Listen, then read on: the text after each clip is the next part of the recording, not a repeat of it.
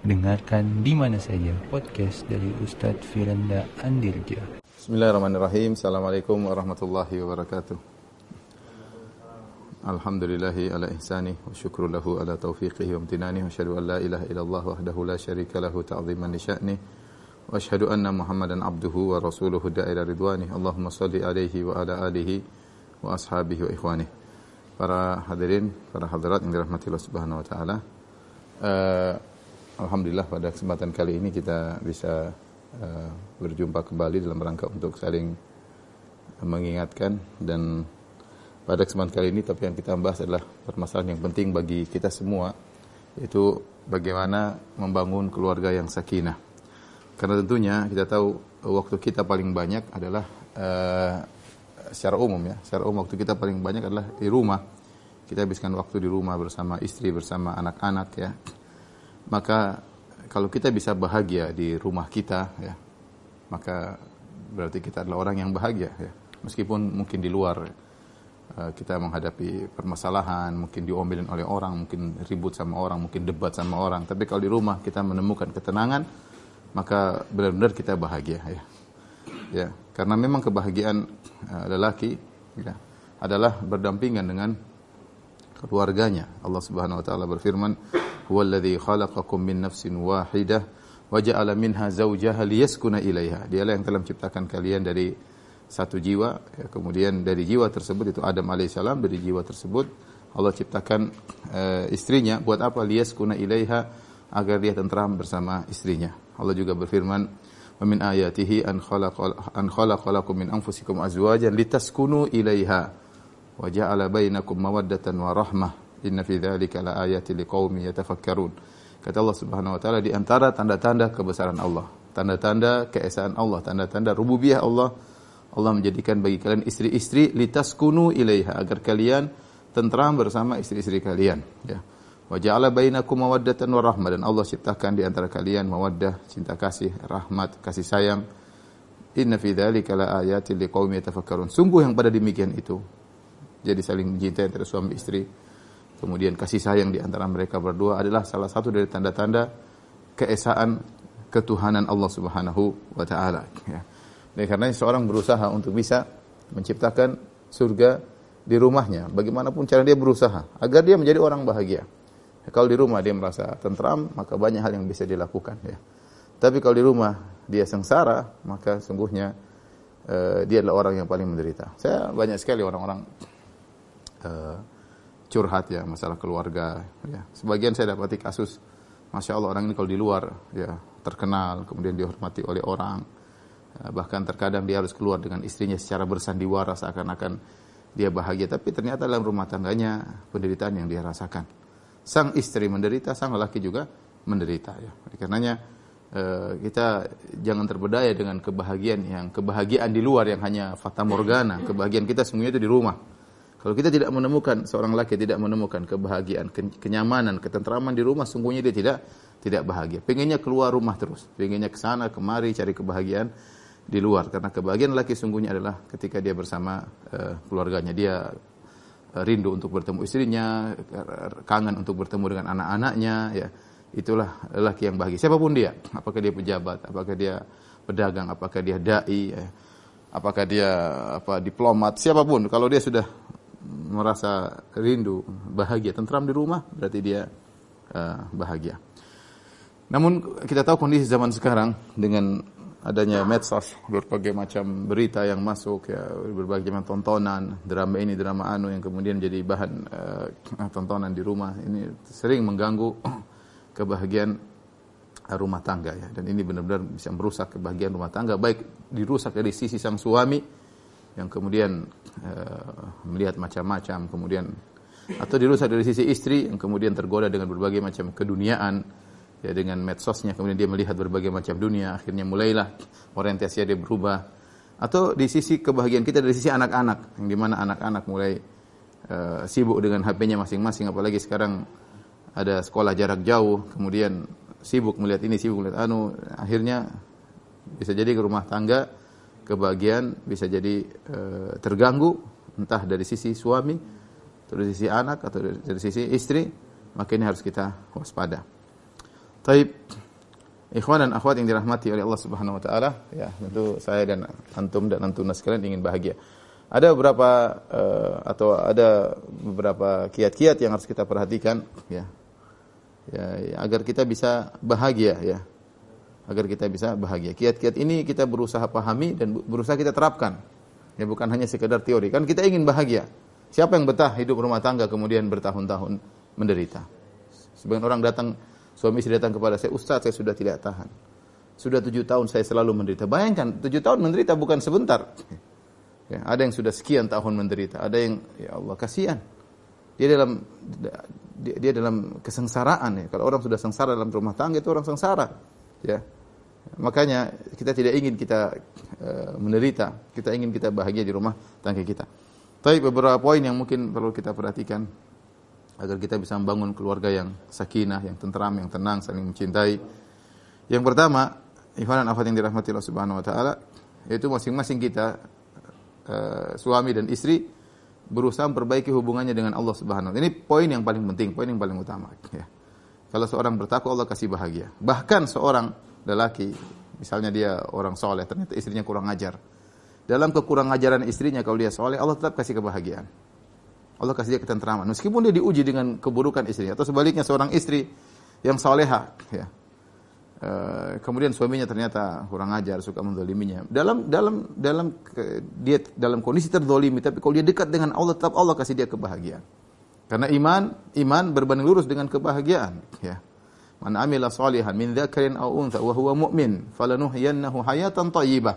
Allah sudah janji kata Allah Subhanahu wa taala barang siapa beramal saleh ya laki-laki maupun perempuan. Wa huwa mu'min dalam kondisi beriman kepada Allah. Falunuhyiyannahu hayatan thayyibah. Kami akan berikan dia kehidupan yang baik, ya, kehidupan yang baik.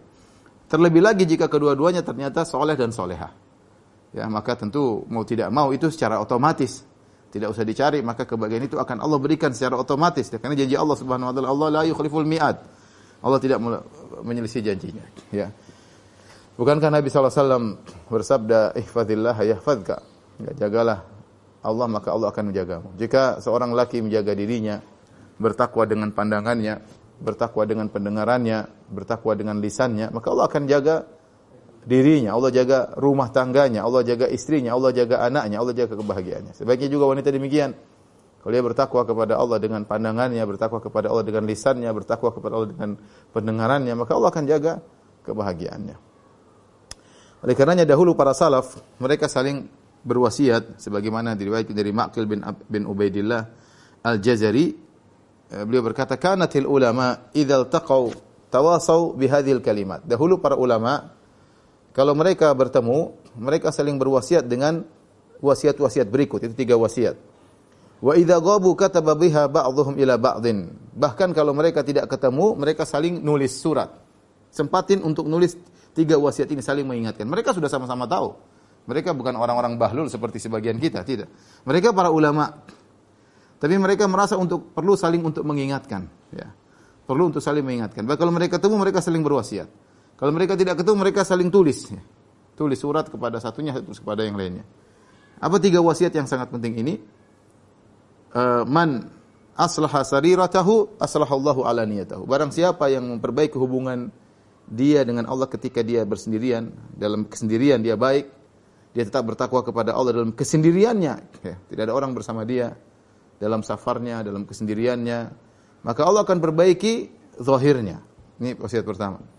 Yang kedua, man aslaha ma bainahu bainallah kafahullah bainahu bainan nas.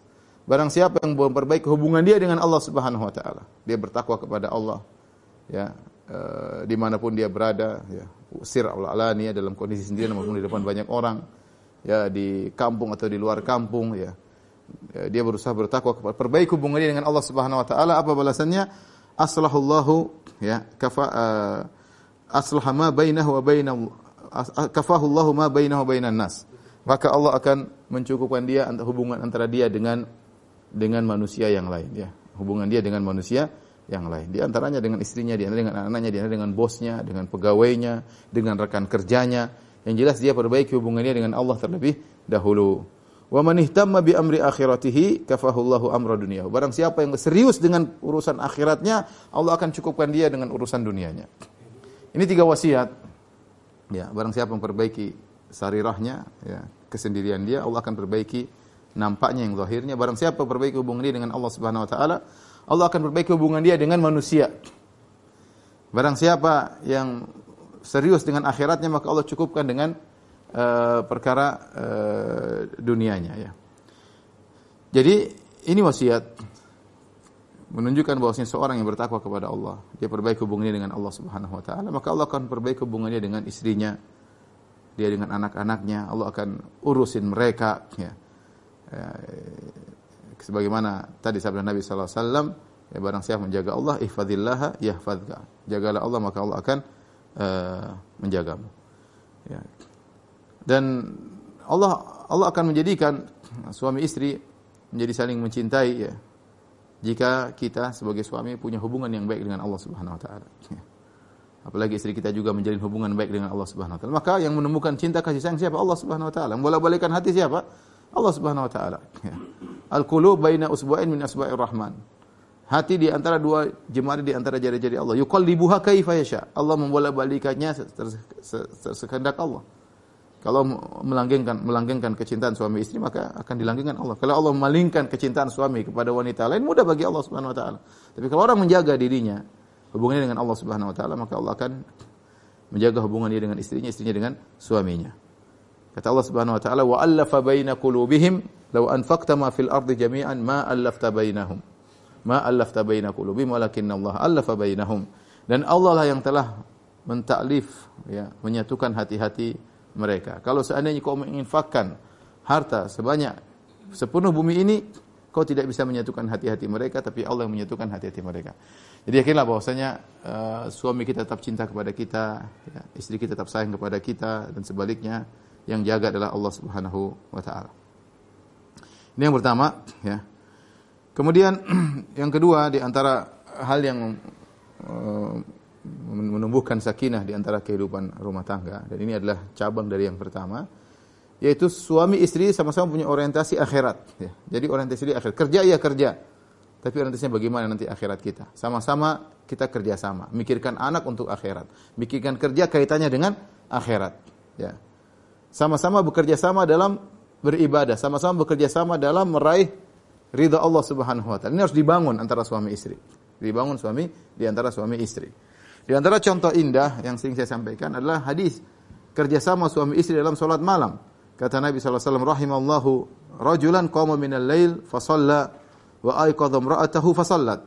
Semoga Allah merahmati seorang lelaki, suami yang bangun di malam hari, kemudian dia solat malam. Kemudian dibangunkan istrinya untuk solat, maka istrinya pun solat. Fa in abad nadhaha ala wajiha alma. Kalau istrinya enggan untuk solat, maka dia percikan air di wajah istrinya. Wa rahimallahu imra'atan dan semoga Allah merahmati seorang istri qamat minal lail, dia bangun di malam hari. Fasallat, kemudian dia pun salat. Wa aiqadhat zaujaha fasalla, kemudian dia bangunkan suaminya untuk salat, maka suaminya salat. Fa in aba nadhahat fi wajhihi alma. Kalau ternyata suaminya enggan bangun, maka dia percikan air di wajah suaminya. Ini perlu dikerjakan ya, perlu dikerjakan dan perlu kesepakatan sebelum tidur ya. Ya kecuali kecuali mungkin istri dalam kondisi sakit atau yang lain. Tapi kalau kita bisa mengerjakan ini. Dapat rahmat Allah Subhanahu wa taala. Bagaimana suami istri kerjasama untuk sholat sholat malam ya. Ya tidak harus setiap hari ya. Yang penting, yang penting ada kesempatan seminggu sekali, sebulan sekali. Nah, apa yang penting ada kerjasama untuk beribadah kepada Allah Subhanahu wa taala. Ya, ada sebagian istri yang mungkin tidak bisa bangun malam karena keletihan, kecapean, tubuhnya sakit lain cerita. Tapi kalau maksudnya sama-sama sehat, sama-sama mampu untuk bangun malam, maka istri diusahakan untuk bisa bangun malam, suami juga untuk bisa uh, bangun malam ya. Dan ini uh, ini adalah kerjasama yang luar biasa uh, dan ini menjadikan rumah tangga kita menjadi rumah tangga yang harmonis kemudian rumah tangga yang sakinah karena Allah akan turunkan sakinah kepada rumah tangga yang seperti ini. Dan kerjasama dalam akhirat banyak kerjasama misalnya sama-sama mengumpulkan uang untuk umrah misalnya sama-sama mengumpulkan untuk haji sama-sama berpikir anak kita sekolah di mana ya ini mikir anak kita biar biar agamanya kuat bagaimana caranya ya. Sama-sama berpikir bagaimana bisa bersedekah sama-sama berpikir kerjasama misalnya untuk bikin pengajian. Saling mengingatkan untuk uh, berbakti kepada orang tua saling mengingatkan untuk menyambung silaturahmi. Ini semua bentuk orientasi suami istri adalah akhirat. Selalu diskusi seperti ini. Ya. Karena kalau kita orientasi kita akhirat maka Allah akan berikan ketenangan ya. Berpikir sama-sama berpikir suami uh, suami istri ya. Jadi uh, ini adalah hal yang bisa menumbuhkan uh, kasih sayang di antara rumah tangga. Bukan kerjasama nonton drama Korea, ya. bukan kerjasama nonton uh, bioskop ya, bukan kerjasama untuk hal-hal uh, yang maksiat, tetapi kerjasama untuk akhirat. Tapi berikutnya yang harus kita perhatikan agar kita bisa menumbuhkan kehidupan rumah tangga yang sakinah yaitu masing-masing harus uh, mengetahui kewajibannya. Ya jangan hanya mengetahui haknya. Masing-masing harus mengetahui kewajibannya. Ini perkara yang sering dilupakan. Kelihatannya sepele tetapi ternyata kenyataannya banyak suami lupa dengan kewajibannya. Lupa atau tidak tahu Allah alam. Ya dan banyak wanita yang tidak tahu juga dengan kewajibannya. Ya. Kalau kita ketemu dengan orang kita boleh tanya, tak tahu nggak kewajiban istri? Ya, mungkin dia tidak bisa sebutkan secara sempurna. Sama apa kewajiban suami? Mungkin dia juga tidak bisa sebutkan secara sempurna. Maka seorang masing-masing harus mengenal uh, kewajibannya masing-masing. Jangan hanya sekedar menuntut kepada uh, pasangannya. Bahkan sebab utama terjadinya keributan di rumah tangga gara-gara masing-masing tidak melaksanakan kewajibannya ya. Ini sering terjadi dalam kehidupan rumah tangga. Makanya Syekh Utsaimin rahimahullah taala e, mencela orang yang seperti ini yang hanya menuntut haknya tapi lupa dengan kewajibannya. Seperti yang Allah sebutkan dalam Al-Qur'an, wailul lil mutaffifin alladzina idza iktalu 'alan nasi yastawfun wa idza kaluhum aw wazanuhum yukhsirun. Ala yadhunnu ulaika annahum mab'utsun, ya di yaumin azim yauma yakumun nas rabbil alamin. Celaka bagi orang-orang yang melakukan tatfif yaitu mengurangi timbangan atau takaran. Alladzina idza iktalu 'ala nasi yastawfun kalau mereka membeli barang dari orang mereka minta barangnya dipenuhi, timbangannya dipenuhi, tidak mau kurang sedikit pun. Tetapi sebaliknya wa idza kaluhum aw tapi kalau dia jual barang sama orang yukhsirun dia kurangi. Kurangi sedikit enggak banyak-banyak ya. Ala yadhunnu ulaika annahum mab'utsun, tidakkah mereka sadar bahwasanya mereka akan dibangkitkan pada hari kiamat? hari yang sangat agung di mana mereka berdiri untuk menanti kedatangan Allah Subhanahu wa taala. Ini eh, meskipun ayat berkaitan tentang orang-orang yang mengurangi timbangan, maunya kalau membeli dipenuhi, tapi kalau menjual dia kurangi. Namun kata Syekh Utsaimin rahimahullah taala berkaitan dengan hal-hal yang lain juga, bahkan dalam ranah keluarga, ya. Sebagaimana kita ingin hak kita dipenuhi, kita juga harus memenuhi kewajiban kita. Jangan kita hanya menuntut hak, kita lupa dengan kewajiban. Ya, jangan kita hanya menuntut hak, kita lupa dengan uh, kewajiban. Ya, maka seorang suami harus merojaah kembali apa kewajiban-kewajiban saya ya. Kewajiban baik jasmani maupun berkaitan dengan kebutuhan rohani, apa kewajiban saya? Istri pun demikian. Apa kewajiban saya?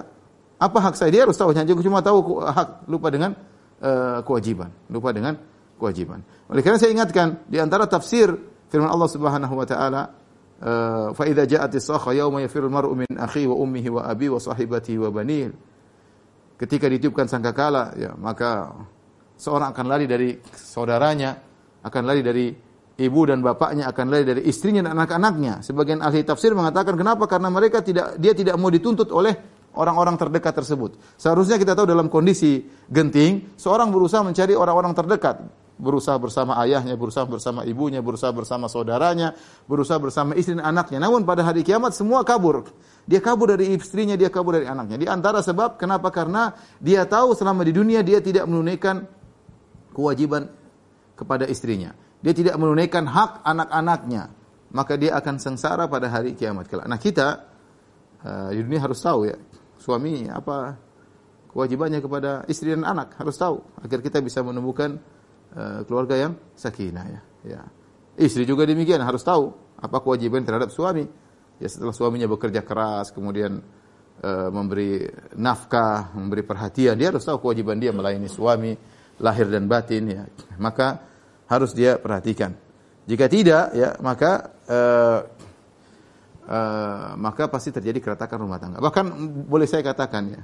Ya bahkan sebagian uh, sebagian apa namanya ulama mengatakan saya baca baru saya baca sekitar 50 sampai 60 persen atau sekitar 60 persen terjadi praktek poligami ya terjadi praktek poligami eh, karena suami tidak merasa merasa bahwasanya istrinya misalnya istrinya mungkin ya bisa jadi sebab yang lain suaminya suaminya tidak beres. Tapi eh, sisi yang lain banyak sebab yang menjadikan suami ingin poligami ya karena istrinya tidak bisa atau tidak menjalani kewajibannya yang seharusnya. Ya. Istri tidak menjalani kewajiban yang yang yang seharusnya ya. Jadi ini uh, demikian juga kalau kita ngobrol-ngobrol dengan sebagian orang yang berpoligami ya ada mereka merasa kekurangan dari dari istrinya ya. ya. Maka masing-masing introspeksi diri ya. ya. Kenapa? Apakah apakah ada kesalahan pada diri saya? Jangan kita merasa sempurna. Mungkin ada kewajiban yang tidak kita kerjakan. Suami mungkin tidak mengerjakan kewajibannya atau istri tidak mengerjakan uh, kewajibannya. Ya, istri tidak mengerjakan kewajibannya. Kenyataannya sekarang misalnya uh, contoh sederhana, masalah uh, pelayanan. Masalah pelayanan terhadap suami ya. Betapa banyak wanita kalau hendak keluar rumah baru berhias. Baru berhias dan berhias ya bahkan bisa jadi setengah jam di depan cermin untuk berias untuk orang lain, untuk teman-teman perempuannya atau untuk suami-suami temannya karena ingin adakan pertemuan maka dia berias. Tapi kalau untuk suaminya dia tidak dia tidak pernah berias.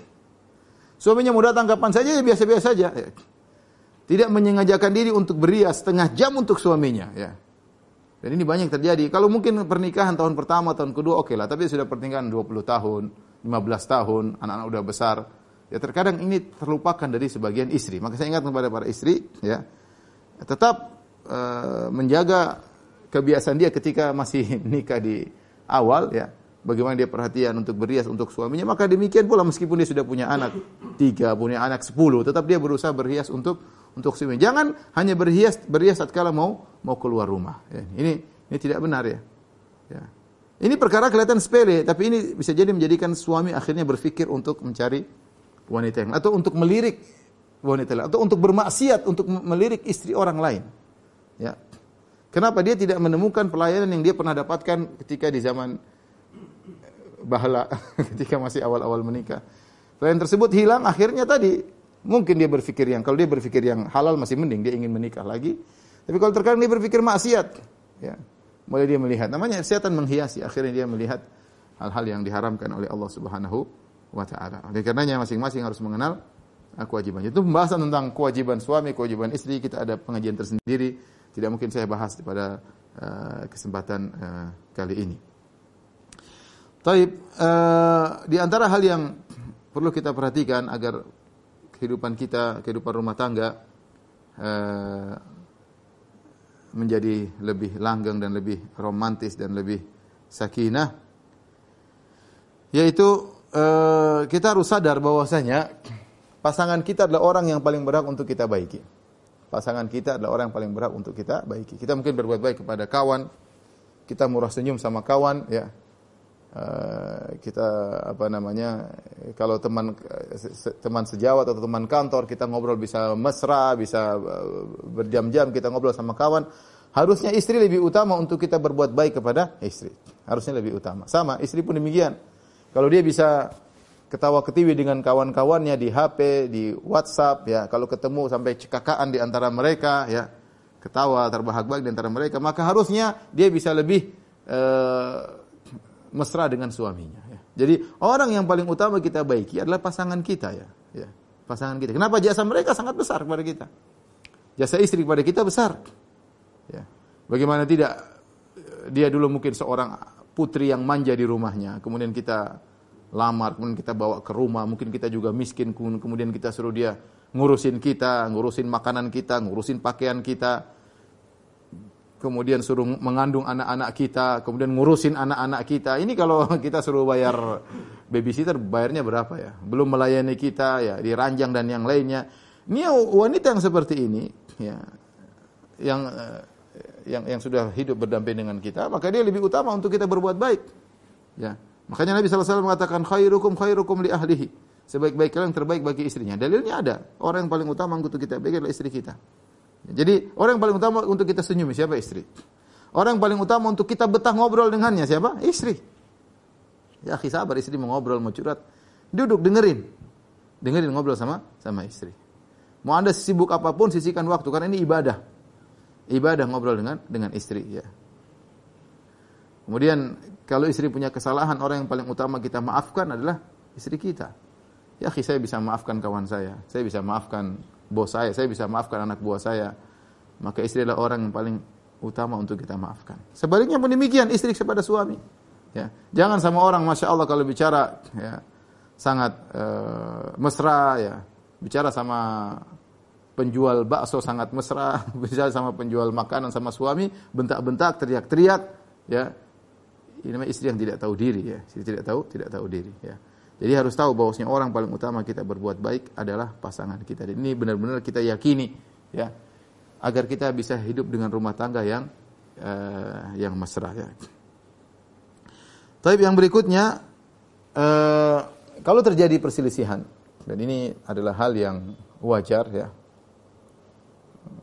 bahwasanya khilaf adalah syai' tabi'i, itu perkara yang wajar yang menimpa rumah tangga siapa pun. Jangankan kita yang penuh dengan kekurangan, bahkan rumah tangga Rasulullah SAW juga terjadi uh, cekcok rumah tangga ya. Demikian juga sebagaimana dalam hadis cekcok antara Ali bin Abi Thalib dengan Fatimah radhiyallahu taala uh, anha. Kemudian kita dapati juga sirah para sahabat ya. Terjadi permasalahan rumah tangga antara seorang suami dengan istrinya. Ini terjadi perkara yang biasa. Perkara yang wajar. Bukan berarti kalau cocok berarti uh, istri kita tidak soleha, kita tidak soleh. Tidak. Ini perkara selama cekcok tersebut wajar, masih dalam uh, koridor yang wajar, maka ini adalah hal yang ya, yang biasa ya. Namun bagaimana ketika kita menghadapi permasalahan dengan istri. Ya ikhwan dan akhwat yang dirahmati oleh Allah Subhanahu wa taala. Kalau kita menghadapi masalah rumah tangga ya, maka yang pertama harus kita perhatikan yaitu kita jadikan sebab terjadinya perselisihan rumah tangga tersebutlah diri kita sendiri. Dan Allah sudah jelaskan dalam Al-Quran bahwasanya musibah yang menimpa kita adalah akibat perbuatan kita sendiri. Ya. Akibat perbuatan Jangan dulu kita salahkan istri kita. Mungkin zahirnya istri kita yang salah. Mungkin zahirnya suami kita yang salah. Tapi sebelum itu semua, kenapa sampai suami kita salah sama kita? Kenapa sampai istri kita zalim sama kita? Kembali kepada diri kita. Karena kita nggak beres. Karena kita bermasalah. Awalamma asabatkum musibatun qad asabatum mislaiha. Kultum anna hadha. Kul huwa min indi anfusikum. Ya. Tatkala para sahabat Ya, ini para kita bicara para sahabat. Kalau mereka terkena musibah di perang Uhud, ya, terkena musibah, mereka mengatakan kultum anna. Kalian berkata para sahabat, dari mana kok bisa kami, kok bisa kita kena kecelakaan seperti ini? Kena musibah sebagian sahabat uh, meninggal dunia dan yang lainnya. Kata Allah, "Qul huwa min indi anfusikum." Itu semua dari diri kalian sendiri. Ini Allah bicara kepada para sahabat yang mereka keluar untuk berjihad di jalan Allah dengan penuh keikhlasan, dengan penuh perjuangan. Ketika mereka terkena musibah, Allah mengatakan, Kul huwa min indi anfusikum. Itu karena diri kalian sendiri. Ya. Ya. Mama asabakum, mama asabaka min sayyi'atin fa min nafsik. Apa yang menimpa engkau dari keburukan adalah dari dirimu sendiri. Ini yang pertama harus kita camkan dalam diri kita. Masalah problematika rumah tangga itu karena kita. Ya. Karena kita musibah. Ya. Ma asabakum min musibatin fabima kasabat aydikum. Apa yang menimpa kalian musibah, maka musibah pun menimpa kalian, maka itu akibat perbuatan kalian. Mungkin saya dengar uh, ceramah, seorang saya ceramah tentang ada seorang laki setiap dia ada masalah rumah tangga, ribut, maka dia keluar rumah, dia istighfar sebanyak-banyaknya. Astagfirullah, astagfirullah, astagfirullah, astagfirullah. Terus dia istighfar. Karena dia sadar bahwasanya meskipun dohirnya istrinya yang salah, tapi tidaklah, misalnya dia dizolimi oleh istrinya. Zolimi misalnya istrinya tidak melayaninya, istrinya bentak-bentak dia, istrinya nuntut terus. Ya, zahirnya istrinya yang zolim sama dia. Tapi dia tahu tidaklah terjadi demikian kecuali karena kesalahan dosa-dosa dia. Dan kita sekarang di dunia ini, zaman sekarang ini, siapa yang merasa bebas dari dosa? Ya. Dosa pandangannya sudah kita nggak bisa hindari setiap hari. Dosa pendengaran, dosa ucapan, dosa komentar, dosa gibah, dan lain-lain. Banyak sekali kita berbuat dosa. Merendahkan orang lain, seuzon sama orang lain, dan banyak. Dan bisa jadi gara-gara dosa kita tersebut maka Allah memberi teguran kepada kita melalui perangai yang buruk dari istri istri kita ya, atau dari suami suami kita. Maka seorang laki ketika eh, saya diceritakan seorang laki ketika dia ter, ribut rumah tangga maka dia banyak istighfar astagfirullah astagfirullah. Dia pergi ke masjid istighfar astagfirullah astagfirullah. Kalau enggak dia mojok di mana di ruangan di rumahnya kemudian istighfar. Istighfar, istighfar itu sampai Allah meredakan semuanya. Sampai istrinya kemudian tenang kembali sampai kembali lagi dengan sedia kala. Ya. Pertama kita istighfar dulu. Ini sangat penting. Ketika kita menjadikan bahwasanya ini mungkin gara-gara dosa kita, maka perkaranya lebih ringan. Sama juga saya ingat cerita, seorang lelaki ketika ribut sama istrinya, dia pun pergi ke masjid. Dia pergi ke masjid, sampai di masjid kemudian dia gelisah, kayaknya pingin pulang ke rumahnya. Baru lama di, di, lama di masjid, tahu-tahu dia kok pingin pulang ke rumahnya, ribut sama istrinya. Dia tidak betah di masjid. Harusnya orang kan betah di masjid. Dia ingin pulang, ingin ketemu istrinya. Tidak tahu setelah bertengkar sama istrinya. Kemudian ketika dia balik, istrinya sudah nunggu di di depan pintu. Kemudian istrinya berkata, saya tahu kenapa kau akan segera pulang. Sejak kau meninggalkan kakimu dari eh, meninggalkan rumah, pergi meninggalkan rumah, saya istighfar terus. Istighfar terus sampai akhirnya Allah mengembalikan engkau kepada aku. Jadi maksud saya suami istri kalau lagi salah ya, jangan kemudian teriak-teriak, maki-maki, istighfar. Masing-masing istighfar. Astagfirullah, astagfirullah, astagfirullah. Ya, masing-masing. Dan ini segera menjatuhkan ego seseorang. Ya, karena laki-laki punya ego, istri juga punya uh, punya ego. Ya. Istighfar aja udah. Mau istri ngomel kayak apa, istighfar. Mau suami ngomel kayak apa, istighfar. Ya. Allah kasih pertolongan yang segera. Yang penting kita istighfar. Kemudian juga ketika kita ada masalah, pertama tadi kita tahu bahwasanya maksiat yang kita lakukan punya andil sehingga timbul problematika rumah tangga. Ya. Yang kedua, apa pun yang terjadi ketika terjadi problematika rumah tangga, tetap kita harus kasih kita punya andil. Seperti saya katakan, meskipun dohirnya istri kita yang salah, tetap kita pasang. Saya punya andil dalam terjadinya keributan ini. Saya sadari ataupun saya tidak sadari. Contoh, dohirnya istri kita salah, istrinya ter, istri kita ternyata waliyadubillah ternyata kontak sama laki-laki lain. Misalnya, kita mungkin dapati HP-nya, kita mengamuk, ngamuk-ngamuk, ya. Benar istri kita salah, zahirnya dia kontak laki-laki lain. Tapi coba kita introspeksi diri. Jangan-jangan istri saya begitu kenapa? Karena saya jarang telepon dia. Saya jarang ngobrol sama dia. Tidak ada teman bicara sama dia. Kalau dia aja ngobrol sama kita, kemudian saya cuekin, ya. Seakan-akan dia hanya mengganggu mengganggu waktu saya, ya. Sehingga akhirnya dia cari tempat untuk curhat yang lain. Wajar. Zohirnya dia salah, tapi kita kita pasang, kita mungkin punya andil dalam hal tersebut. Kita punya andil dalam hal hal tersebut. Dengan cara demikian, kita tidak melemparkan seluruh kesalahan kepada pasangan kita. Kalau kita lemparkan seluruh kesalahan kepada pasangan kita, ya, maka sulit untuk uh, damai, sulit untuk damai karena kita merasa benar, kita mau pasangan kita minta maaf dan saya katakan sulit uh, sesama pasangan masing-masing punya ego. Punya ego. Suami sulit untuk minta maaf, istri juga sulit untuk minta. maaf. Kalau begitu ya, kondisi semakin runyam, ya. Kemudian terjadi tatkala terjadi ya, perkara berikutnya, kalau terjadi persisian di antara rumah tangga ya. Segera ingat-ingat kebaikan pasangan, jangan dilupakannya. Kata Nabi sallallahu alaihi wasallam, la yafruqu mu'minun mu'minah in kariha minha khuluqan radiya minhal akhar. Janganlah seorang lelaki mukmin membenci wanita mukminah istrinya. La yafruq mu'min mu'minah. Nabi menyebutkan sifat yang utama lelaki mukmin dengan wanita mukminah. Istrimu seorang wanita mukminah. In kariha minha khuluqan kalau dia tidak suka dengan perangnya istri, jadi pasti ada perang yang tidak sukai. Tidak ada yang sempurna. Ya.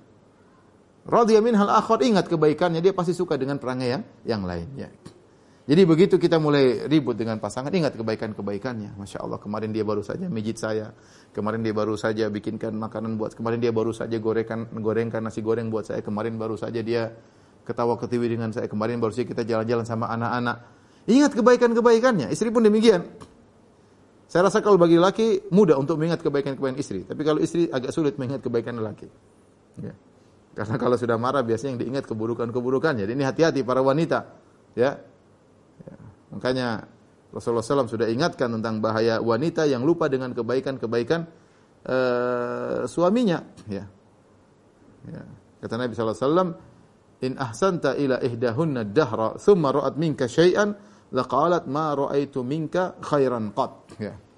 Kalau kau melakukan kebaikan kepada istrimu sepanjang tahun, kemudian istrimu melihat keburukan kepadamu satu saja, maka dia berkata aku tidak pernah merasakan kebaikan darimu sama sekali wahai suamiku. Dan kali karena istri hati-hati istri, sebagian wanita sulit mengingat kebaikan-kebaikan suaminya. Yang dia ingat keburukan-keburukan suaminya. Sebagian istri Masya Allah diberi hafalan yang kuat. Hafalan keburukan-keburukan suaminya. Mas kamu waktu itu begini, kamu begini. Dia hafal ya. Meskipun tidak usah ditulis di HP, dia sudah hafal. Apalagi kalau dia tulis di HP ya. Dia hafal keburukan-keburukan suaminya. Punya hafalan yang kuat. Kebaikan-kebaikan suami dilupakan. Dan ini sangat berbahaya ketika terjadi crash di antara rumah tangga. Segera di antara kalau kita ingin melawan setan, segera kita ingat kebaikan-kebaikan pasangan kita. Ya, kita ribut cuma sebentar. Kita sudah menjalin rumah tangga 10 tahun, 20 tahun, ada yang 30 tahun, udah punya anak-anak, udah besar mungkin anak-anak, sudah ada yang menikah lagi, ya. Anak-anak sudah punya, kita sudah bahkan sudah punya cucu. Ya, masa kita kehidupan rumah tangga yang indah puluhan tahun atau belasan tahun ter, terhapuskan hanya sekedar permasalahan yang sehari dua hari seminggu seminggu sebulan gara-gara permasalahan seperti ini. Ya. Maka ingat-ingat kebaikan suami, ingat-ingat kebaikan istri. Ini di antara hal yang memudahkan kita uh, untuk menghadapi problematika di antara uh, uh, rumah tangga. Kemudian ikhwan dan akhwat yang dirahmati Allah Subhanahu wa taala, di antara hal yang bisa membangun keharmonisan kehidupan rumah tangga, jangan lupa kita mencintai pasangan kita karena Allah. Kita mencintai pasangan kita karena Allah. Agar cinta kita itu berpahala. Ya, yang namanya al-mahabbatu fillah. Kita bisa bisa berteman sama kawan, saya saya punya relasi dengan kawan kita itu ya karena Allah Subhanahu wa taala. Dia bertakwa, saya bertakwa. Misalnya kita kerjasama dalam dakwah misalnya, kita pun mencintainya karena Allah, ya. Kita bisa jalan jauh sampai bersafar ke luar kota, sampai ke luar negeri untuk bertemu dengan kawan bukan karena dunia, karena Allah.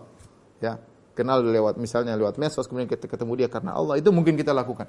Nah, demikian juga ketika kita mencintai pasangan kita. Saya cintai istri saya karena Allah, ya. Saya cintai suami saya karena Allah. Karena kalau kita sekedar mencintai karena fisik ya, ya fisik istri kita lama-lama juga pudar. Fisik suami juga lama-lama pudar ya. Semakin hari semakin Eh, memudar kecantikannya. Tapi kalau kita cinta karena Allah, ada kelanggengan dan kita dapat pahala. Ya. Di antara bukti kalau kita cinta karena Allah, kita mudah memaafkan. Saya mencintai karena punya kesalahan ya wajar. Kita mudah memaafkan istri kita. Kenapa? Saya mencintainya karena Allah. Saya mencintai dia karena dia selama ini membantu saya dalam berdakwah di jalan Allah. Saya mencintainya karena dia selalu mengingatkan saya kalau saya melakukan kesalahan, melakukan penyimpangan, maka istri saya yang mengingatkan. Ya, saya mencintainya karena Allah karena dia telah membantu saya untuk menundukkan pandangan. Saya mencintainya karena banyak hal yang kita ingat kebaikan istri kita, kita mencintainya karena Allah. Ketika kita bisa mencintai pasangan kita karena Allah, dia punya kesalahan, dia punya kekurangan, kita bisa mudah untuk uh, berlapang dada. Uh, kemudian di antara hal yang bisa membantu untuk membangun keluarga sakinah uh, tinggalkan metode studi banding. Jangan pernah banding-bandingkan rumah tangga kita dengan rumah tangga orang lain. Jangan pernah, ya. Sedikit pun jangan pernah. Jangan pernah membandingkan istri kita dengan istri orang lain dan jangan pernah membandingkan suami kita dengan suami orang lain. Ya. Kita tidak boleh melakukan studi banding. Kebahagiaan kita, kebahagiaan kita sendiri orang lain biarkan kebahagiaannya, ya.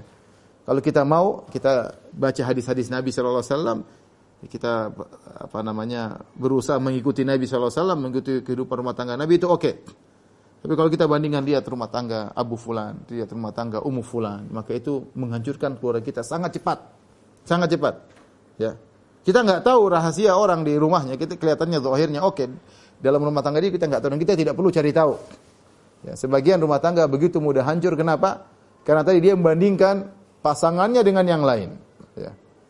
Dia membandingkan pasangannya dengan dengan yang lain. Ya. Dia lihat misalnya kawannya berjalan mesra dengan istrinya, sementara istrinya tidak bisa demikian, maka dia kemudian bandingkan. Atau seorang wanita melihat lelaki berjalan dengan istrinya dengan begitu mesra, dengan gandeng tangannya, sementara suaminya tidak pernah demikian. Tidak usah dibandingkan. Ya. Kalau kita ingin bahagia, ya uh, kita tidak perlu membandingkan dengan orang. Kalau kita ingin baik, kembali kepada sunnah-sunnah Nabi Shallallahu Alaihi Wasallam. Kapan sekali kita mengatakan sayang, kamu tidak seperti istri atau si fulana, maka itu langsung rusak. Langsung dia sakit hatinya dan sulit untuk di, dilupakan. Sama seorang suami juga kalau istrinya mengatakan, kamu kok tidak seperti Abu Fulan. Ya, maka ini benar-benar perkataan yang sangat menyakitkan, yang sulit untuk ter, terlupakan. Kemudian antara hal yang bisa membangun uh, keharmonisan rumah tangga, ya kelihatannya sepele tapi ini penting. Jangan lupa untuk romantis di antara suami istri ya. Ini seharusnya perkara yang tidak perlu diajari karena biasanya antum semua sudah hebat dalam masalah romantis apalagi zaman dahulu kala ya. Jangan cuma waktu belum nikah aja romantis ketika sudah nikah segala romantis dikubur ya. Enggak ya, kita lihat bahwasanya kalau kita baca hadis-hadis sudah tentu sudah sudah sering dibahas oleh para ulama ya, para ustadz ya bagaimana Rasulullah SAW adalah sosok yang sangat romantis kepada uh, istri-istrinya ya. ya. Banyak sekali dalil-dalilnya saya sebutkan secara singkat saja. Ya bagaimana Rasulullah SAW kalau manggil istrinya dengan kata-kata yang indah, dengan manggil ya Humaira yang artinya wahai wanita yang sangat putih sampai nampak rona-rona merah di pipinya. Masalah panggilan saja Nabi tidak sembarang memanggil. Nabi manggil dengan panggilan yang menyenangkan hati istrinya. Maka seorang suami atau seorang istri berusaha memanggil suaminya dengan nama yang dia senangi. Ya, kalau dia senang dipanggil dengan Abu Fulan, maka panggil suaminya dengan Abu Fulan. Ya, kalau dia senang dipanggil namanya dengan nama yang lengkap, panggil dengan nama yang lengkap. Misal namanya Paijo, dia senang dipanggil Paijo, panggil Paijo, jangan panggil Jo, Jo jangan ya. Tergantung. Pokoknya apa yang disukai suaminya dia kenali, ucap. Kalau panggil Abu Abu Fulan ya panggil Abu Fulan. Sama istri, apa yang dia suka dipanggil dengan namanya. Ya. Dipanggil wahai sayang, wahai cantik ya, wahai apa ke eh, gunakan. Lihat Nabi SAW romantis. Dalam panggilan saja Rasulullah SAW romantis. Nah kita terkadang manggil istri ya, asal-asalan ya. Apalagi kalau istri kita sudah gemuk, kita panggil ndut, ndut. Ya Allah, kasihan. Ya. Uh, jangan jangan sakiti hatinya. Panggil panggilan dengan panggilan yang menyenangkan hatinya. Kemudian Nabi SAW lihat bagaimana dengan Aisyah radhiyallahu taala Aisyah kalau minum ya. Kemudian Rasulullah SAW mengambil gelas yang bekas minum Aisyah, kemudian Rasulullah SAW putar gelas, Rasulullah SAW minum dari tempat bekas bibir Aisyah radhiyallahu taala anha ya. Dan ini menunjukkan perhatian Nabi SAW karena Nabi tahu wanita masalah begini masalah sensitif. Bagi kita laki-laki mungkin ini perkara apa sih mau minum mau dari mana saja yang penting minum. Tapi bagi perempuan tidak. Ini diperhatikan oleh mereka. Makanya eh, Nabi SAW ketika minum Rasulullah SAW minum dari gelas bekas bibirnya Aisyah radhiyallahu taala. Bahkan demikian juga Rasulullah SAW menggigit dari bekas gigitan Aisyah radhiyallahu taala anha. Ya. Ini diriwayatkan oleh Aisyah bagaimana praktek Nabi memperhatikan keromantisan bahkan dalam masalah makan ya. Bukankah Nabi SAW yang mengatakan lasta tunfiqu nafaqatan tabtaghi bi wajhillah hatta ujirta illa ujirta 'alaiha hatta luqmata tajla fi infamatik. Tidaklah kau berinfak ya e, karena Allah kecuali kau dapat pahala sampai suapan yang kau suapkan ke mulut istrimu. Bagaimana e, seorang kalau romantis karena Allah dia suapin istrinya, masya Allah dia dapat pahala di sisi Allah Subhanahu wa taala ya. Makan bareng, minum bareng ya. Kemudian Nabi SAW sebelum tidur ngobrol sama istrinya. Sebagaimana hadis Ibnu Abbas, kun bitu inda khalati maimunata fatahaddatsa Nabi sallallahu alaihi wasallam ahli sa'atan tsumma raqada.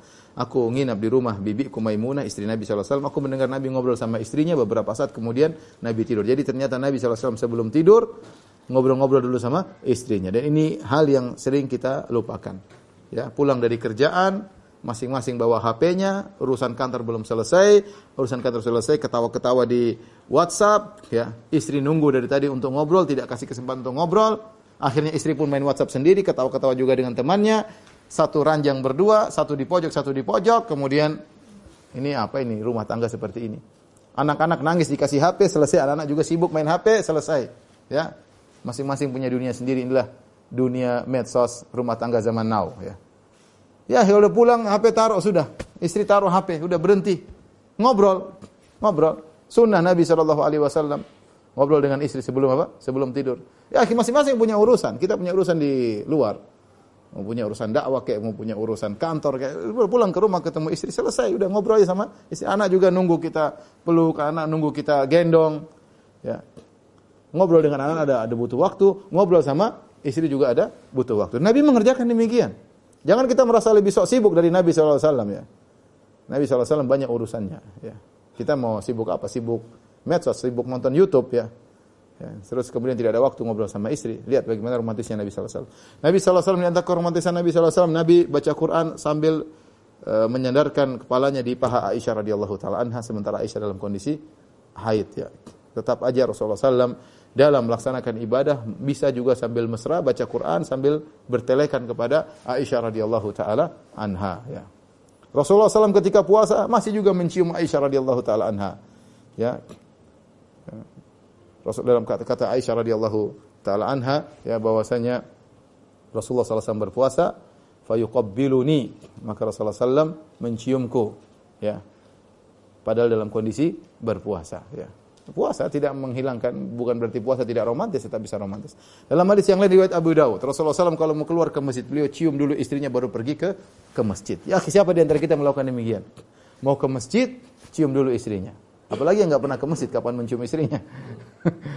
mau ke masjid, cium istri dulu, masya Allah.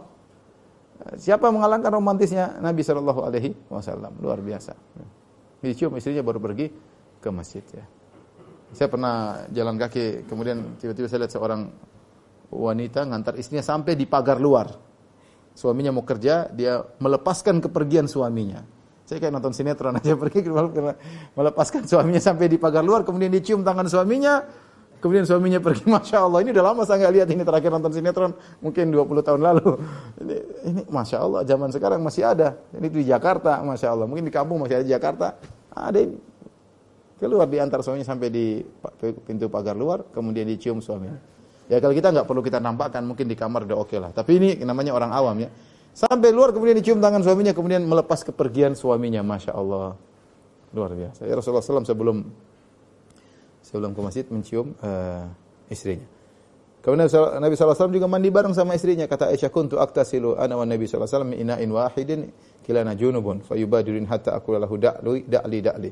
Aku mandi bersama Nabi SAW, ya kami berada dalam kondisi junub, kami mandi dalam satu tempayan. Maka Nabi uh, menyegerakan untuk mengambil air dari bejana sampai aku berkata sisakan air buatku, sisakan air buatku. Lihat Nabi SAW mandi bareng bersama Aisyah. Dalam mandi pun Nabi bercanda bersama Aisyah radhiyallahu taala anha. Ya, sampai juga Aisyah pun mencandai Nabi sampai Nabi berkata daili daili sisakan air buatku sisakan air buatku. Jadi mereka mandi bareng sambil sambil bercanda. Dan ini luar biasa seorang laki sama uh, istrinya. Mandi bareng ini romantis yang luar biasa ya. Kasih sayang yang luar biasa. Nyempatkan diri mandi bareng sama istri. Sempatkan diri mandi bareng sama sama uh, suami. Makanya bapak-bapak nanti jangan lupa habis ini ajak istri mandi bareng ya. Jangan lupa. Sayang kita mandi bareng sayang ya. Mas kamu waras? Iya waras ini. Ini hadis Nabi saw Jangan salah nonton sinetron. Ini bukan sinetron, ini ini kisah nyata ya. Jadi eh, seperti itu tadi ya. Jadi lihat bagaimana Sofia radhiyallahu anha ketika mau naik di atas ontanya maka Nabi menegakkan kakinya lututnya untuk diinjak oleh Sofia agar bisa naik di atas onta ya.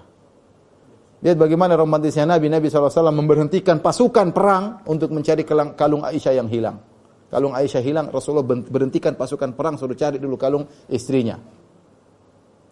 Kita sok sok anu, sok apa? Sok sibuk. Sok sibuk tidak mengantar istri, sok alim ya. Kenapa waktu saya itu baca Quran hilang gara-gara ngantar istri? Akhi, subhanallah Nabi SAW pasukan perang diberhentikan untuk cari kalung istrinya. Nabi Wasallam ketika berjalan sama istrinya, kemudian Nabi ngajak istrinya lomba lari. Nabi SAW mengatakan, "Damu wahai para sahabat jalan di luar." Ada apa? Rasulullah suruh para sahabat jalan di luar. Ketika sudah jauh, Rasulullah SAW mengatakan, Ya Aisyah, ayo kita lomba lari. Lari lomba lari dengan Rasulullah SAW. Ternyata Rasulullah SAW kalah lomba lari karena lebih gemuk daripada Aisyah radhiyallahu taala Kemudian berjalan waktu, setelah waktu Aisyah sudah lupa dengan peristiwa lomba lari tersebut. Suatu saat Aisyah berjalan dengan Nabi juga dalam bersama para sahabat. Rasulullah mengatakan, "Taqaddam, kalian jalan di luar." Ternyata Rasulullah SAW ajak, ajak Aisyah lomba lari untuk kedua kalinya. Ketika itu Aisyah sudah mulai gemuk. Ketika Aisyah sudah mulai gemuk lomba lari, Aisyah kalah, ngos-ngosan kalah. Kata Nabi SAW, hadhihi bitilka. Ini untuk satu sama ya. Kekalahan saya yang dulu saya bayar sekarang ya. Masya Allah romantisnya Nabi SAW. Lomba lari yang dulu tidak pernah dilupakan ya. Nunggu Aisyah kapan gemuk baru kemudian lomba lari lagi. Ambil kesempatan. Lihatlah bagaimana romantisnya Nabi SAW. Alaihi uh, Wasallam dan hal seperti ini tentu banyak dari Rasulullah SAW. Tapi maksud saya ini contoh sederhana ya. Lihatlah bagaimana Nabi SAW ketika hari Id, kemudian Nabi mengatakan, ya Aisyah, tidak melihat orang Habasyah sedang bermain-main di masjid. Maka Aisyah pun nonton orang Habasyah bermain-main di di masjid. Kemudian Aisyah di pinggir jendela, kemudian Aisyah um, meletakkan dagunya di atas pundak Nabi, kemudian menempelkan pipinya di pipi Nabi SAW. Kata Nabi, hasbuk, sudah cukup Aisyah. Kata Aisyah, belum. Nabi nunggu Kata Nabi, hasbuk sudah cukup Aisyah. Belum. Kata Aisyah radhiyallahu anha, saya tidak berminat lihat mereka main, tapi saya ingin menunjukkan kepada orang-orang bagaimana kedudukan kursi Nabi.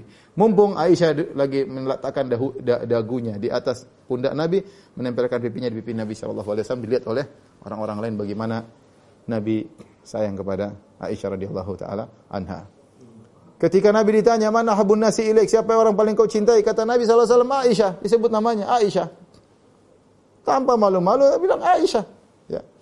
Biasa, saya cinta sama istri saya. Ya. Saya cinta sama sama istri saya. Intinya, ikhwan yang dirahmati Allah Subhanahu wa taala, romantis itu perlu ya. Romantis itu apa? Perlu.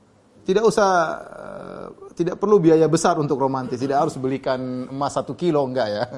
Ya bisa romantis romantis lah ya. Belikan bunga yang murahan enggak ada masalah ya.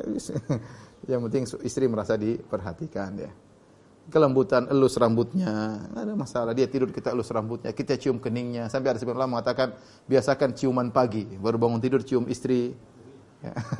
Jangan cium mulutnya masih bau, cium keningnya. gitu mau pergi cium istri mau pergi cium tangan suami, masya Allah. Itu perkara yang gratis nggak bayar. Ya. Apa susahnya? Ya. Kita nggak membiasakan diri. Kalau kita membiasakan diri, kita jaga romantis tersebut, menjaga perasaan istri ngomong hati-hati, Suami kalau ngomong sama istri jaga perasaannya, istri ngomong sama suami juga jaga perasaan. Dijaga terus. Ya. Dan berdoa kepada Allah agar melanggengkan kehidupan uh, rumah tangga. Tidak ada tidak ada salahnya kita di tengah-tengah kerjaan kemudian kirim WA sama istri, sayang aku mencintaimu. Ada apa ini? Ada apa ini, Mas? Oh, salah kirim rupanya. Maunya kirim kepada satunya, salah. Gak ada nggak ada masalah ya. Tiba-tiba sayangku, cintaku, ya uh, buah hatiku, ya macam-macam nggak ada masalah. Istri senang di digombalin ya. Uh, jadi demikian ya menjaga keromantisan istri kita tunjukkan kata-kata sayang ya uh, biasakan ringan bagi kita untuk menciumnya menyentuhnya ya kalau tidur tidur malam ya pelukanlah ya anak suruh minggir dulu pelukan ini tempat tidur, saya uji istri di ujung, suami di ujung. Terus gimana? Di antara keduanya ada bantal memisahkan. Ini gimana kehidupan rumah tangga seperti ini? Bahkan sebagian yang saya sedih, saya dengar si fulan istrinya tidur di kamar yang satu, suaminya kerja tidur di kamar satu. Innalillahi inna ilaihi Ini rumah tangga seperti apa seperti ini? Istrinya punya kamar sendiri, suaminya punya kamar sendiri. Ya akhirnya suami istri tidur bareng berdampingan. Hilangkan semua sekat di antara antum berdua. Nanti enak tidur sama istri pelukan, hangat ya. Nyalakan AC dingin banget terus peluk istri biar hangat ya. Ini satu di ujung, satu di ujung, ya Allah. Bagaimana kemudian mau tumbuh rasa cinta? Biasakan yang mesra-mesra seperti itu, ya. Biasakan. Taib. Eh, di antara hal yang juga bisa menumbuhkan menumbuhkan kasih sayang di antara suami istri adalah memperhatikan keluarga pasangan. Ini sangat penting ya, sangat penting. Ketika seorang suami melihat istrinya begitu perhatian sama keluarganya, akan dia akan ada tanda terima kasih. Dan, dan itu pasti muncul ya. Apa kata seorang penyair ahsin ilan nasi tasta'bid qulubahumu fatalama sta'badal insanal ihsanu. Berbuat baiklah kepada orang lain kau akan bisa merenggut hatinya, memperbudak hatinya. Betapa kuat seseorang manusia diperbudak oleh kebaikan. Ya kalau kita lihat istri kita baik sama sama keluarga kita ya, maka kita pasti sayang sama dia. Dia perhatian sama kakak kita, perhatian sama adik kita, perhatian sama orang tua kita, perhatian sama uh, ponakan kita, ya. Nah, kita sayang ya. Saya, saya punya kawan sampai dia, dia selalu ingat sama istrinya dia bilang istri saya Ustadz ketika bapak saya sakit dia yang suap bapakku. Kita saja tidak melakukan demikian. Kita anaknya tidak melakukan demikian. Tapi istri saya dia suap bapak saya. Suap orang tua saya ketika sakit. Itu tidak bisa dilupakan oleh sang lelaki bagaimana istrinya eh, begitu sayang sama orang tuanya sampai menyuap orang orang tuanya. Sama demikian juga seorang suami perhatian sama keluarga istri. Ya. Tentu istri akan lebih sayang kepada suami karena suaminya memperhatikan uh, keluarga istri. Dan ingat ini kita dibangun di atas pahala, membantu berbuat baik kepada kerabat. Uang kita kita sumbangkan ke sana sini sama kerabat kita pelit ya jangan ya. Kita berbuat baik sama keluarga keluarga istri kita berbuat baik keluarga suami kita berbuat baik nah apa uang kita insyaallah Allah ganti dengan yang lebih lebih banyak ya. Taib ini uh, di antara hal juga ya ya, ya mungkin uh, berkaitan dengan anak-anak ya. Kelihatannya kita lupakan ya. Sama anak-anak juga penting ya, harus kita perhatikan. agar kehidupan kita bisa romantis karena anak-anak itu harus kita beri perhatian khusus juga ya kerjasama antara suami istri bagaimana bersikap terhadap anak-anak ya. Uh, di antaranya ikhwan dan akhwat yang dirahmati Allah Subhanahu wa taala jangan lupa adil kepada anak-anak ya sederhana adil sama anak-anak. Kalau kita cium satunya yang lain juga di diciumin. Kalau kita peluk satunya yang lain juga di dipeluk ya. Kalaupun kita terpaksa tidak bisa condong kepada salah satunya, maka jangan kita tampakkan sayang kita di hadapan yang lainnya. Jangan ya. Intinya kita di hadapan yang lain kita harus berusaha seadil-adilnya dan itu perintah. Ya, kata Nabi sallallahu alaihi wasallam, "I'dilu baina auladikum." Adilah di antara uh, anak-anak kalian. Makanya sering terjadi kalau dan itu banyak terjadi kalau kita punya anak, anak pertama. Kemudian dua tahun berikutnya dia punya adik, anak kita yang kedua. Mulailah kita peluk-peluk anak yang kedua, anak pertama cemburu, dia masih kecil tapi dia sudah punya fitrah untuk protes. Ini kenapa? Dia merasa kasih sayang dia diambil oleh adiknya yang baru muncul. Itu cemburuan itu ada, tidak bisa dihindari. Ya, itu ada. Ya, dia, dia, dia merasa demikian. Ya. Saya juga begitu ketika apa anak saya yang keempat Habibah ketika masih kecil saya selalu cium-cium kakaknya Zainab protes. Dia bilang Abi Abi kenapa Abi tidak adil Abi kenapa cium-cium Habibah terus? Terpaksa saya harus jelaskan. Saya bilang ada adik adikmu masih kecil. Dulu kamu waktu kecil juga seperti ini, Abi cium-cium ya. Cuma kamu nggak ingat. Baru dia dia boleh mulai mikir. Tapi intinya dia, dia, dia jangan sampai dia merasa tidak disayang, dia merasa orang tuanya tidak tidak adil. Ya. ya. Maka ini uh, sangat penting adil terhadap anak-anak. Ya. Kalau beli baju beli baju semuanya, kalau beli mainan beli mainan semuanya, kalau buat jalan-jalan semuanya. Kalau kita ternyata tidak bisa adil dalam suatu kondisi, harus kita jelaskan yang logis agar dia bisa bisa ngerti. Agar dia bisa ngerti. Uh, banyak kejadian dan ini saya dapat beberapa, beberapa kasus. Jadi seorang ibu terlalu sayang kepada salah satunya karena ada sebab. Misalnya seorang ibu sayang kepada adik yang paling kecil. Sebabnya apa? Adik ini ternyata punya kekurangan. Dia uh, apa namanya autis misalnya atau dia apa namanya ada kelainan jiwa atau dia ada penyakit jantung sehingga ibunya sangat perhatian dan ini membuat cemburu yang lainnya. Nah, se seorang ibu ketika seperti itu dia harus jelaskan kepada kakak-kakaknya yang lain anak-anak ini ibu harus perhatian khusus pada adikmu karena ibu sehingga mereka ngerti ketika sang ibu mudah memaafkan yang kecil ketika sang ibu mudah memberi uzur kepada si kecil. Kenapa? Karena si kecil ini punya kekurangan. Karena ini terjadi kalau orang tua lebih perhatian kepada salah satunya bukan karena kelebihannya justru karena kekurangannya. Dan dia sebagai ibu dia memberi uzur dia tidak menyalahkan sementara yang lain sudah marah-marah ya Ya, maka sang ibu harus jelasin atau sang ayah harus jelasin kenapa saya begini karena kondisi kakakmu atau kondisi adikmu seperti ini yang membuat ibu harus beri perhatian lebih khusus. Ya. Sehingga mereka merasa mereka tetap merasa bahwasanya ibu mereka tetap adil. Kapan anak-anak merasa tidak di, tidak disikapi adil oleh orang tuanya akan timbul riak permasalahan dalam uh, rumah tangga. Ya. Saya katakan tadi namanya permasalahan rumah tangga bisa timbul datang dari pihak suami, dari pihak istri dan juga dari pihak anak-anak. Ya. Kemudian juga uh, percaya sama anak-anak tapi jangan berlebihan. Kita ada sikoh percaya sama anak-anak tapi jangan berlebihan, terutama di zaman sekarang ini. Sebagian orang terlalu berlebihan, sudah anak saya saya percayain, sudah dia mau apa saja, mau kasih HP terserah, dia mau main game terserah, dia mau apa. Kita tidak tahu apa yang dia lihat, tidak tahu apa yang dia buka, tidak tahu siapa seman-semannya, kita tidak tahu apa yang dia nonton. Hati-hati. Kita tidak tidak juga kita tidak percaya sama anak sama sekali, nggak nggak boleh juga. Kita harus menunjukkan kita menghargai anak. Kita punya rasa kepercayaan sama anak, kita kasih tanggung jawab. Tetapi di sela-sela itu kita harus ngecek sesekali. Ya, jangan kita lepas begitu begitu saja. Ya. Jangan kita lepas begitu begitu saja. Ya.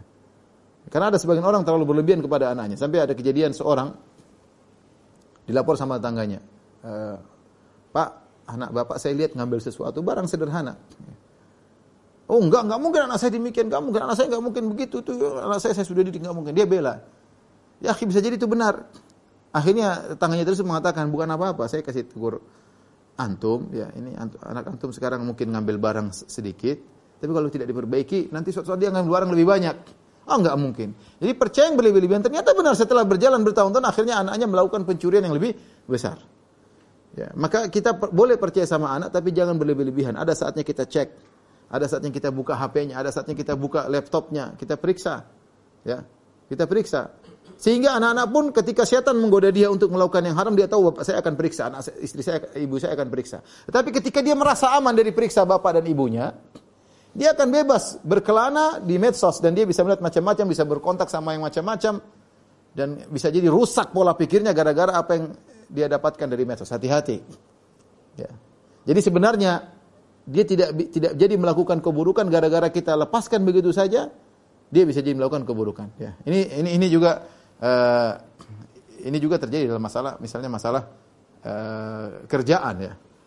Saya ketemu dengan seorang dia, dia cerita, Ustadz, ada keluarga dia memberi amanah kepada seorang untuk ngurus tokonya. Ngurus tokonya. Kemudian saking bagusnya ini orang kerja, dibiarkan, dibiarkan, dibiarkan, biarkan tidak pernah dicek sama sekali, tiba-tiba dia berkhianat setelah berapa tahun. Ini terjadi. Dan dia bilang itu bukan salah. Sebenarnya orang-orang itu baik Ustaz, tetapi keluarga saya ini atau bapak saya ini salah. Ya, karena dia terlalu membiarkan orang tersebut namanya syaitan datang ketika mungkin berapa tahun lagi baru digoda oleh syaitan. Seandainya bapak saya selalu mengadakan pengecekan setahun sekali ke enam bulan sekali, dia tidak akan demikian. Tapi ketika dilepas begitu saja, namanya manusia ada titik lemahnya, maka dia pun menyusun rencana untuk berkhianat. Ya. Sama saya bilang pembantu, pembantu, pembantu mungkin baik, dia tidak ada tidak pernah mencuri sebelumnya, ya datang ke rumah, tapi kita selalu taruh emas di depan di depan mata dia. Ya dia asalnya baik dan dia bukan pencuri, tidak punya pengalaman pencuri sebelumnya. Tapi gara-gara lihat emas terbuka, kita bebaskan. Dia lama-lama dia ngambil satu, dua. Jangan kita salahkan pembantu tersebut yang salah kita. Kenapa kita beri ruang untuk dia melakukan demikian? Ini mau saya, anak-anak pun demikian mau saya. Anak-anak sebenarnya dia baik. Tapi ketika kita bebaskan dia begitu saya tidak pernah ada perasaan kita akan mengecek dia mulai namanya setan. Ya, setan kan menggoda kita, menggoda istri kita, menggoda anak-anak kita. Dan kalau dia sudah diberi rasa aman yang luar biasa, dia akhirnya berani untuk melihat yang macam-macam. Tapi kalau kita ada pengecekan, ya, maka anak kan dia mau melakukan ah enggak nanti Allah tahu dan bapak saya juga tahu repot, enggak apa-apa. Sehingga akhirnya dia tidak jadi melakukan hal hal demikian, ya. Sama, jadi maksud saya anak-anak e, perlu kita perhatian ya, beri, beri perhatian, kita percaya tapi jangan terlalu e, dibebaskan, kita beri penghargaan tapi jangan juga kita terlalu melepaskan begitu saja. Wallahu taala bisawab ini saja yang mungkin ikhwan dan akhwat yang dirahmati Allah Subhanahu wa taala sekedar teori-teori yang kita masing-masing perlu untuk mempraktekannya. Kalau kita ingin bahagia, kita berusaha praktek. Semakin banyak poin-poin kita praktikkan, kita semakin bahagia. Kalau kita ribut sama istri kita, kita ngobrol, sayang, mau rumah tangga kita begini terus. Yang sengsara bukan saya, kamu juga sengsara. Kita ingin sengsara 10 tahun atau kita ingin bahagia 10 tahun. Ngobrol baik-baik, harus saya diskusi. Kamu tiap hari marah sama saya, kamu tiap hari ngangkat suara sama saya. Atau bilang, mas kamu kok demikian, setiap hari kau bentak-bentak, setiap hari kau apa ngancam untuk cerai-cerai, apa itu bagus? Sampai kapan kita mau hidup? Mas ingin bahagia, saya ingin juga bahagia. Kita rubah dong cara kehidupan rumah tangga kita. Ngobrol baik-baik, suami istri harus ada komunikasi. Ya. Kita ingin bahagia enggak? Kalau ingin bahagia lihat mana daftar yang kau sukai, mana daftar yang kau tidak sukai. Istri pun demikian berusaha mengenal apa yang disukai suaminya, apa yang dibenci suaminya. Suami berusaha mengenal apa yang disukai istrinya, apa yang dibenci istrinya. Lakukan. Yang disukai suaminya kerjakan, yang tidak disukai tinggalkan. Allah taala bisawab, mungkin saja ini saya sampaikan oleh yang bertanya saya persilahkan. Baik, jazakumullah khairan katsiran atas ilmunya yang disampaikan Ustaz.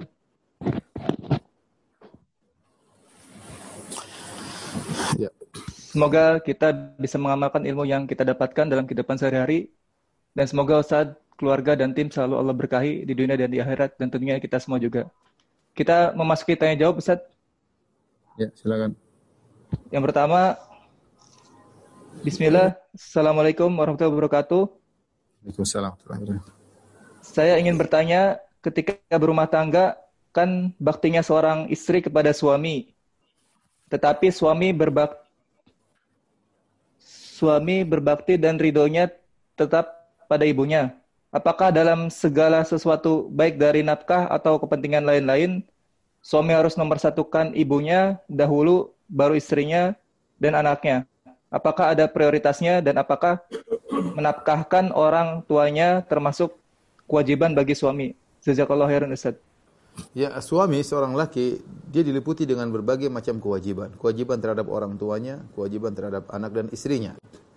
Dalam hal ini dia harus memenuhi kewajiban tersebut uh, sebisa mungkin ya. Kalau dia sudah memenuhi kebutuhan istrinya, istrinya sudah dikasih rumah, anak-anaknya dikasih uang sekolah, kemudian kebutuhan sudah terpenuhi, kemudian dia punya sisa uang, dia ingin berbakti sama ibunya, jangan kita larang. Ya. Ibunya pun ya hidup tidak begitu lama. Kesempatan bagi dia untuk bisa masuk surga dengan surga yang tinggi. Dan insya Allah kalau suami kita masuk surga yang tinggi dia bisa ngajak uh, anak dan istrinya dengan beri syafaat insya Allah taala ya.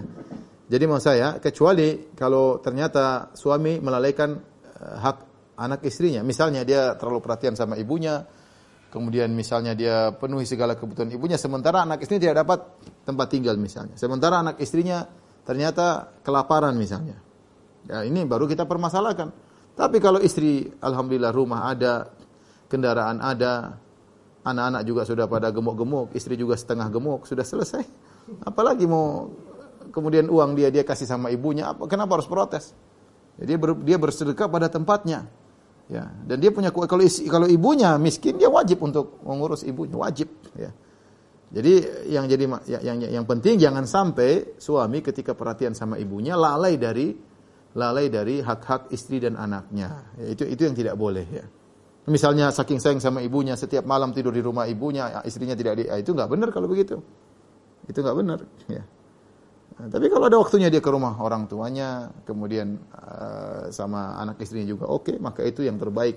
Dia, dia, istri tidak boleh cemburu dalam hal ini. Justru dia berusaha mendukung suaminya, ya, uh, untuk berbakti kepada orang tuanya. Tapi kalau suaminya punya kekurangan, ingat mas, uh, jangan lupa masih anak-anak belum di ini gitu. ya itu diingatkan gak ada masalah. Itu hak istri untuk mengingatkan suami. Allah alam bisawab baik Ustaz selanjutnya. Assalamualaikum warahmatullahi wabarakatuh Ustaz. Waalaikumsalam warahmatullahi wabarakatuh. Mohon sarannya gimana cara tetap istiqomah jalankan kerja sama untuk menjalankan kewajiban ataupun sunnah. Syukron jazakallahu khairan Ustaz. Tadi uh, jadi saling mengingatkan ya saling mengingatkan ya. Saling mendoakan ya. Karena memang untuk istiqomah itu tidak mudah. Kita sendiri istiqomah tidak mudah, tapi kalau kita punya teman eh, apa namanya? membantu kita untuk istiqomah itu yang terbaik di antara eh, ya, ya, yang harus disyukuri oleh Allah Subhanahu wa taala, zaujatan tu'inuhu ala amril akhirah. Ya. Yaitu istri yang membantu dia dalam urusan akhirat ya. Kalau Anda punya istri yang seperti ini maka pegang erat-erat ya. Ini istri yang jarang seperti ini. Istri yang soleh yang bantu suaminya untuk uh, ingat tentang hari akhirat. Ya. Namanya lalai itu ada. Suami lalai ada. Dan kelalaian itu sangat mungkin dengan apa yang ada di HP kita membuat kita lalai banyak. Kita nonton berita, mata kita hanya melihat yang tidak benar, akhirnya kita jadi lalai, hati kita menjadi hitam, menjadi gelap. Suami istri pun demikian melihat eh, mungkin hal-hal yang di medsos dan makanya perlu saling mengingatkan. Ya sayang kita sholat malam sudah lama kita tidak sholat malam bareng. Ya harus ada inisiatif dari diri sendiri. Ya sayang kita sudah lama nggak ikut pengajian eh, pengajian aja anak-anak ya berangkat seperti itu. Jadi uh, tadi har, apa sesekali waktu saling mengingatkan uh, karena hati memang bisa lalai. Allah alam bisawab. Baik, masih ada waktu Ustaz? Boleh satu dua pertanyaan lagi kalau ada. Nah. Bismillah, Assalamualaikum Ustaz. Waalaikumsalam. Assalamualaikum. Saya ingin bertanya, pada saat ini ada dua orang laki-laki yang berniat menghalalkan saya dan keduanya membuktikan dengan membawa orang tuanya ke rumah. Laki-laki yang pertama sedang mempelajari manhaj salaf dan yang sudah dekat dengannya.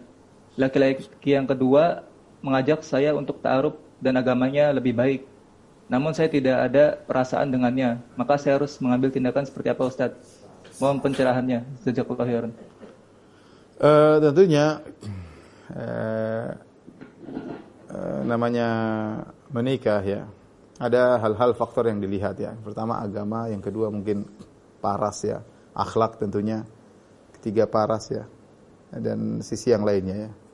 Uh, uh, dan disyariatkannya nazar. Di antara lain adalah agar rumah tangga bisa lebih uh, lebih langgeng ya makanya Rasulullah SAW mengatakan unzur ilaiha lihatlah kepada sang wanita Ya, bahkan fa inna fi ayunil ansari uh, syai'an. Sungguhnya mata perempuan Ansar itu ada sesuatu yang menarik. Jadi kita disuruh nazar, laki-laki lihat perempuan, perempuan lihat laki-laki. Ada kecocokan kalau kita ada ketertarikan, baru kita maju. Kalau kita enggak tertarik, ya saya rasa tidak perlu ya. Karena kalau tidak ada ketertarikan ya, itu di antara syariatnya nazar. Kalau kita tidak tertarikan, khawatir nanti kita berbuat zalim ke istri yang tidak cinta kepada suaminya. Ya, nanti dia tidak patuh kepada suaminya. Suami yang tidak cinta kepada istrinya, akhirnya istrinya di bulan-bulanan. tidak dimesrai, tidak dicium keningnya, disendul-sendul terus keningnya, tidak dicium keningnya. Kenapa dia tidak sayang, dibentak-bentak tiap hari? Akhirnya rumah tangga tidak kita harapkan. Allah alam biswab ya, kalau memang tidak suka sama sekali jangan dipaksa. Tidak suka sama sekali jangan uh, jangan dipaksa. Kalau ada yang disukai kemudian agamanya bagus sudah mulai mengajar mengenal manhaj salaf, saya rasa itu mungkin baik tapi istikharah ya. Ini sekadar teori, kita nggak tahu ya. Allah yang tahu tentang hal gaib. Kita hanya bisa menilai dari sesuatu yang zahir. Tapi saya katakan istikharah berdoa kepada Allah, ya Allah, uh, jatuhkanlah saya kepada pilihan yang terbaik untuk dunia dan akhiratku. Ya, istikharah. Saya minta kepada wanita tersebut eh, istikharah dan banyak sholat malam berdoa kepada Allah Subhanahu wa taala. Allah alam bisawab. Yang terakhir Baik Ustaz, jazakallahu khairan Dan yang terakhir Bismillah Ustaz, mohon saran jika anak sering merengek dan menyebabkan si ibu sering memarahinya dalam batas wajar, apa yang harus dilakukan suami? Apa menegur istri yang memarahi anak atau seperti apa Ustaz? Syukron Ustaz jazakallahu khairan Uh, ya di, ditegur ya. Kalau di, di, diomelin wajar-wajar biasa itu biasa ya. Jadi anak namanya anak harus diomelin kadang-kadang ya. Harus di Eh, bahkan dipukul sekali juga tidak jadi masalah namanya pukulan uh, untuk mendidik bukan pukulan balas dendam bukan pukulan melampiaskan kemarahan tapi untuk mendidiknya uh, itu nggak ada masalah sesekali tapi kalau sudah menjadi suatu yang mendominasi selalu angkat suara selalu teriak maka nggak baik itu tidak baik bagi psikologi sang anak ya anak nanti akan ter, terdidik seperti itu ya dia juga suka teriak-teriak dia juga suka marah-marah dan dan itu nanti masalah bagi kita di kemudian hari. Bilang sama istri nanti kalau begini anak-anak seperti ini nanti besar kita repot sendiri.